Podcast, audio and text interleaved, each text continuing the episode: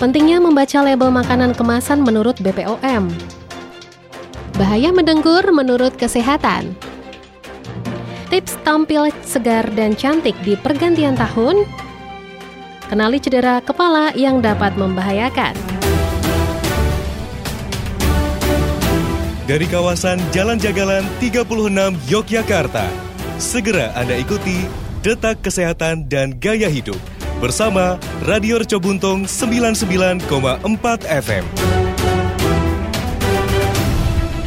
Selamat petang pemirsa, itulah tadi beberapa informasi yang dapat Anda ikuti dalam program Data Kesehatan dan Gaya Hidup Reco Buntung edisi hari ini Sabtu 25 Desember 2021.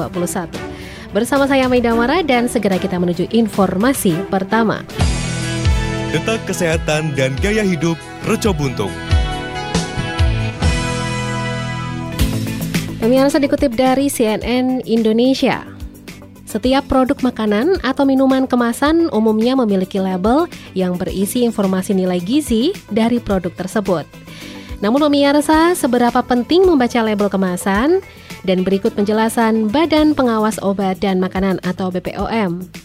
Membaca label kemasan dengan cermat dapat membantu Anda memahami kandungan gizi dari makanan yang dikonsumsi sehari-hari. Hal ini pun termasuk salah satu dari 10 pedoman gizi seimbang yang dikeluarkan oleh Kementerian Kesehatan Republik Indonesia. Menurut penuturan dari Indri Mayati, label kemasan pada pangan olahan merupakan media informasi yang memuat keterangan tentang pangan dan sudah seharusnya memberikan informasi yang benar dan juga jelas kepada masyarakat. Namun pemirsa, ada kalanya label tersebut mencantumkan hal yang berlebihan atau menyamarkan sesuatu sehingga memberikan makna yang tidak sesuai. Ia menambahkan label pangan diatur dalam peraturan BPOM nomor 20 tahun 2021 tentang perubahan atas peraturan BPOM nomor 31 tahun 2018 tentang label bahan pangan olahan. Peraturan BPOM nomor 16 tahun 2020 tentang pencantuman informasi nilai gizi untuk pangan olahan yang diproduksi oleh UMKM dan juga Peraturan BPOM nomor 22 tahun 2019 tentang informasi nilai gizi pada pangan olahan. Dan pemirsa, apa saja informasi yang terkandung dalam label kemasan makanan olahan? Ia menjelaskan bahwa label kemasan pada pangan olahan paling sedikit memuat informasi mengenai nama produk, daftar bahan yang digunakan, seperti mulai dari urutan terbesar hingga yang terkecil, berat atau isi bersih, nama dan alamat pihak produsen atau pengimpor, label halal bagi yang dipersyaratkan, tanggal dan kode produksi, tanggal kadaluarsa, nomor izin edar, dan asal-usul bahan pangan tertentu. Nah, pemirsa selain keterangan tersebut, pada label pangan olahan juga diwajibkan untuk mencantumkan keterangan lain seperti informasi nilai gizi dan tudi barcode serta keterangan lainnya yang diwajibkan sesuai peraturan perundang-undangan. Nah, pemirsa, bagaimana cara membaca informasi nilai gizi pada label makanan? Menurut Indri Mayati, mengingat banyak informasi yang tertera pada label tersebut, tidak heran kalau kita sebagai orang awam kesulitan untuk membacanya. Nah, pemirsa, agar lebih mudah membaca tabel informasi nilai gizi pada label pangan olahan, ia menyarankan konsumen untuk fokus pada beberapa poin berikut. Yang pertama adalah jumlah sajian untuk setiap kemasan, kemudian total angka kecupan gizi atau AKG, yang ketiga adalah total kalori untuk setiap sajian dan keterangan ini pemirsa menunjukkan beberapa jumlah kalori yang diberikan untuk setiap sajian yang ada di dalam kemasan. Pastikan pemirsa kemasan tidak penyok, kemudian baca semua informasi yang tercantum cek izin edar dengan aplikasi cek BPOM, dan pastikan juga kalau produk yang Anda beli tidak melebihi masa kadaluarsa. Ia juga melanjutkan kandungan gizi pada produk pangan terkemas yang harus dipatasi adalah gula, garam, dan juga lemak. Oleh karena itu BPOM mengeluarkan logo pilihan lebih sehat pada kemasan pangan dengan tujuan konsumen lebih bijak dalam membeli pangan olahan.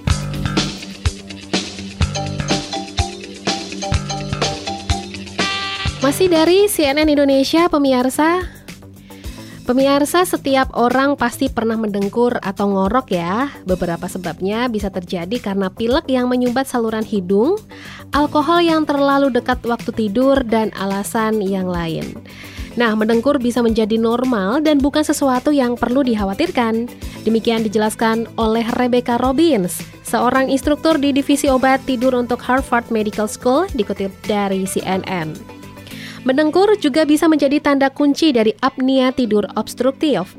Gangguan tidur yang serius, di mana orang-orang benar-benar berhenti bernafas selama 10 detik atau lebih pada suatu waktu. Nah, ketika suara mendengkur itu keras, parau, atau terganggu oleh jeda pernafasan, di situlah Anda harus mulai khawatir. Dijelaskan oleh Robbins bahwa hal tersebut disebut dengan sleep apnea obstruktif karena tidak seperti apnea tidur sentral. Jadi di mana otak kadang-kadang melewatkan memberitahu tubuh untuk bernafas, apnea tidur obstruktif disebabkan oleh penyumbatan saluran udara oleh jaringan lunak yang lemah, berat, ataupun rileks. Ketika Anda berusaha dengan perut dan dada, Anda untuk mencoba memasukkan dan mengeluarkan udara. Tetapi karena obstruksi di saluran nafas bagian atas, Anda tidak bisa melakukan hal tersebut. Seringkali Anda tidak menyadari perjuangan ini, tapi pemirsa itu bisa sangat-sangat menakutkan bagi siapa pun yang menonton. Demikian dijelaskan oleh Raj Desgupta, seorang dokter dan profesor kedokteran klinik di Keck School of Medicine di University of Southern California. Jika tidak diobati pemirsa, apnea tidur obstruktif menempatkan Anda pada resiko tinggi untuk hipertensi, penyakit jantung, diabetes tipe 2 atau depresi, bahkan kematian dini. Demikian menurut American Academy of Sleep Medicine. Dan pemirsa berikut 8 tanda ngorok yang bisa menjadi tanda yang berbahaya bagi kesehatan. Kenali dengan stop bang. S adalah untuk snoring atau mendengkur. Mendengkur adalah indikator utama, tetapi ini bukan dengkuran umum yang biasa terdengar. Jika dengkuran terdengar sangat keras, maka saatnya untuk bertemu dokter. T dari tired atau lelah. Kelelahan di siang hari adalah indikator utama kurang tidur. Jika dikombinasikan dengan dengkuran, maka hal itu bisa menjadi sleep apnea. O untuk observasi. Sebagian besar orang tak sadar kalau mereka mendengkur di malam hari. Mereka juga tidak tahu bahwa mereka berhenti bernafas pada malam hari, kecuali penyumbatannya sangat parah sehingga mereka terbangun dengan terengah-engah dan juga tersedak. P untuk pressure atau tekanan darah tinggi. Apnea tidur obstruktif dapat menyebabkan hipertensi, setiap kali seseorang berhenti bernafas selama beberapa detik, sistem saraf simpatik tubuh beraksi dan meningkatkan tekanan darah. B untuk BMI.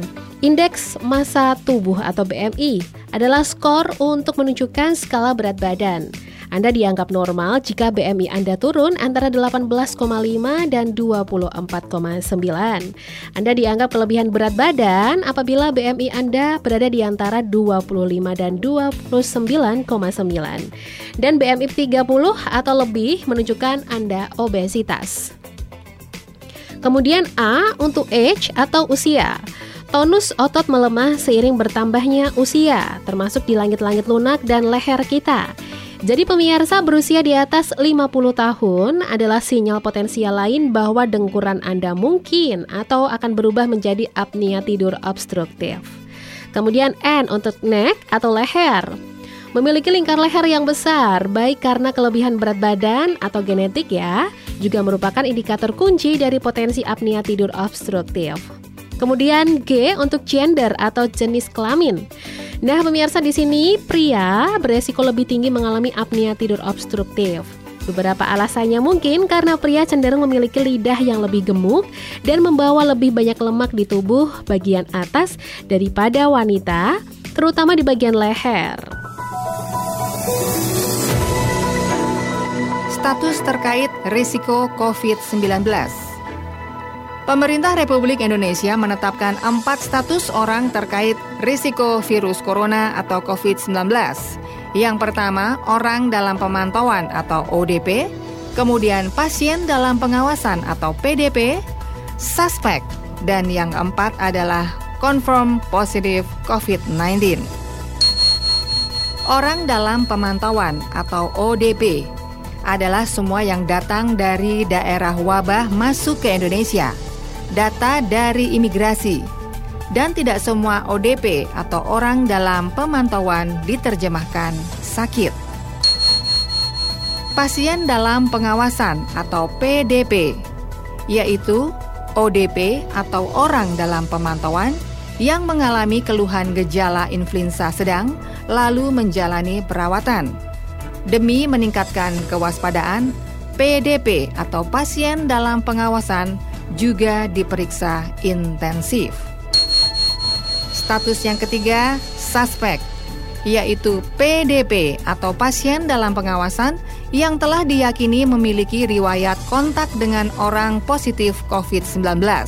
Hasilnya setelah observasi ada dua, yaitu negatif atau positif. Status yang keempat adalah confirm positive COVID-19, yaitu suspek yang telah dinyatakan terinfeksi virus corona atau COVID-19. Detak Kesehatan dan Gaya Hidup Reco Buntung. Masih dari CNN Indonesia pemirsa, Tahun baru kerap menjadi awal yang baru bagi siapa pun, termasuk soal penampilan. Pun begitu bagi kaum perempuan, kerap ingin tampil lebih cantik dan maksimal menyambut setiap pergantian tahun. Nah, di tengah semakin maraknya persaingan, begitu banyak brand kecantikan, mereka menawarkan produk atau treatment dengan menjanjikan hasil yang instan. Namun belum tentu ya, semua yang serba instan dapat memberikan hasil yang maksimal. So, pemirsa, ada beberapa hal yang bisa menjadi pertimbangan dalam menentukan treatment atau produk apa yang dapat dipilih sebagai alternatif. Dan berikut ya sejumlah tips agar bisa tampil maksimal menghadapi pergantian tahun. Yang pertama, pilih produk dengan hasil menjanjikan. Menjelang momen pergantian tahun, pilihlah treatment atau produk yang memberikan hasil akhir kulit yang lebih segar dan juga sehat. Tak dimungkiri banyak masalah kulit yang ingin kita atasi ya. Namun satu hal yang penting, pada momen pergantian tahun kita ingin terlihat awet muda dan prima. Nah, karenanya fokusnya pada treatment atau produk yang menjanjikan hasil akhir mencerahkan, membersihkan kotoran pada pori dan memberikan efek kencang pada wajah. Yang selanjutnya adalah pilih treatment yang tidak menimbulkan efek samping. Dari begitu beragam tindakan dan produk yang ditawarkan, kita sebagai konsumen harus cerdas dalam memilah dan memilih treatment mana yang tidak hanya dibutuhkan, namun juga bersifat aman atau tidak menimbulkan efek samping. Nah, pemirsa, pada umumnya treatment wajah yang dilakukan untuk mencerahkan memang dapat memberikan efek exfoliating atau pengelupasan ya. Dan hal ini umum terjadi karena exfoliating ini efektif membantu mengangkat sel kulit mati sehingga kulit tampak lebih cerah. Namun pemirsa, biasanya di akhir treatment ini kulit akan cenderung kemerahan dan tidak menutup kemungkinan akan terjadi peradangan jika kita tidak paham prosedur pasca tindakannya. Meski begitu, kita tidak perlu terlalu khawatir ya, karena saat ini sudah banyak produk eksfoliatin yang aman dan tidak menimbulkan efek kemerahan tersebut, serta pastikan juga untuk melakukannya di klinik yang memang sudah terpercaya dalam mengatasi kulit kusam. Kemudian pemirsa selanjutnya adalah pilih treatment yang tidak perlu waktu tunggu terlalu lama. Ada pepatah yang mengatakan nih, sesuatu yang terburu-buru itu tidak baik. Tetapi semua bergantung kepada bagaimana kita sebagai konsumen dapat bijak dalam memilih. Nah, dalam menentukan beragam treatment atau produk yang menjanjikan hasil instan, satu hal lain yang harus diperhatikan adalah masa tunggu atau downtime. Dari treatment yang kita pilih tidak terlalu lama agar kita juga dapat kembali beraktivitas. Dan yang terakhir pemirsa adalah tidak perlu mahal. Momen akhir tahun pastinya juga dimanfaatkan oleh banyak orang untuk liburan atau sekedar pergi menghabiskan waktu bersama keluarga dan sahabat terkasih ya. Banyak pula promosi-promosi menggiurkan yang membuat kita harus merogoh kantong lebih dalam, termasuk soal urusan penampilan. Untuk persoalan perawatan kecantikan, agar tidak semakin membebani dompet, kita dapat memilih brand produk yang tidak mahal namun tetap berkualitas. Misalnya nih, memilih klinik kecantikan yang tidak hanya menawarkan kualitas prima, namun juga pelayanan yang lengkap dan tentunya harga yang bersahabat. Hal yang terpenting pemirsa, walaupun sudah memiliki gambaran treatment apa yang akan kita lakukan, namun pastikan semua atas saran dan pengawasan dari dokter ahli ya, agar semuanya tetap aman dan hasil akhir yang didapatkan sesuai dengan apa yang diinginkan.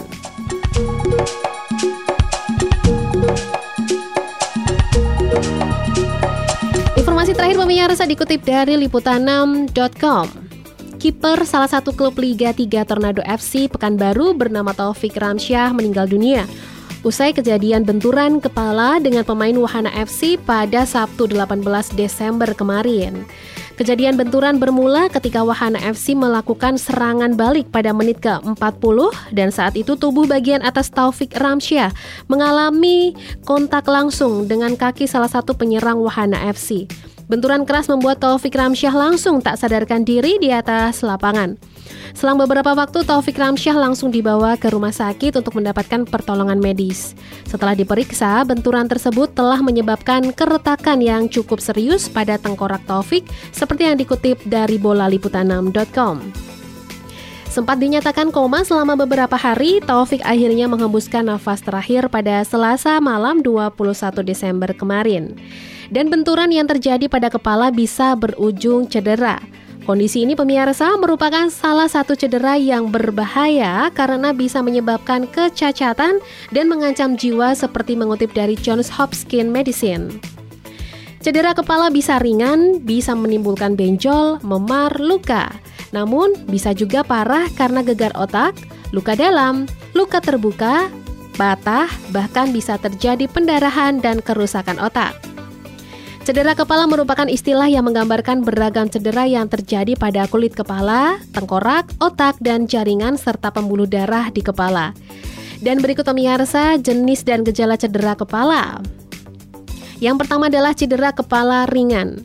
Orang yang mengalami cedera kepala ringan mengalami bengkak di bagian kepala, pusing, kemudian merasa sensitif terhadap suara dan cahaya. Mereka yang mengalami hal ini juga mengalami masalah pada keseimbangan tubuh sering bingung, sakit kepala, pandangan kabur, telinga berdenging, dan rasa lelah. Kemudian yang kedua adalah cedera kepala sedang hingga berat. Selain gejala tersebut, pada mereka yang mengalami benturan atau cedera kepala yang sedang hingga berat juga menunjukkan gejala lain, seperti hilang kesadaran, pusing yang tidak kunjung hilang, mual, dan juga muntah. Lalu pemirsa ada juga yang mengalami kehilangan ingatan jangka pendek, berkeringat, ataupun bisa juga bicara cadel. Kadang juga muncul darah atau cairan dari telinga dan hidung pada kondisi parah. Benturan kepala bisa menyebabkan seseorang koma bahkan hingga meninggal dunia. Dan pemirsa informasi tadi menutup jumpa kita di Deta Kesehatan dan Gaya Hidup Reco Buntung edisi hari ini Sabtu 25 Desember 2021. Ikuti Detak Kesehatan dan Gaya Hidup setiap hari Sabtu dan jangan lewatkan Detak Hukum dan Kriminal esok petang pukul 18 waktu Indonesia Barat yang disiarkan Reca Buntung 99,4 FM. Saya Maida Mana undur diri, terima kasih atas perhatian Anda. Selamat petang, tetap terus jaga protokol kesehatan, dan selamat berakhir pekan. Pemirsa, telah Anda ikuti Detak Kesehatan dan Gaya Hidup Produksi Reco Buntung 99,4 FM.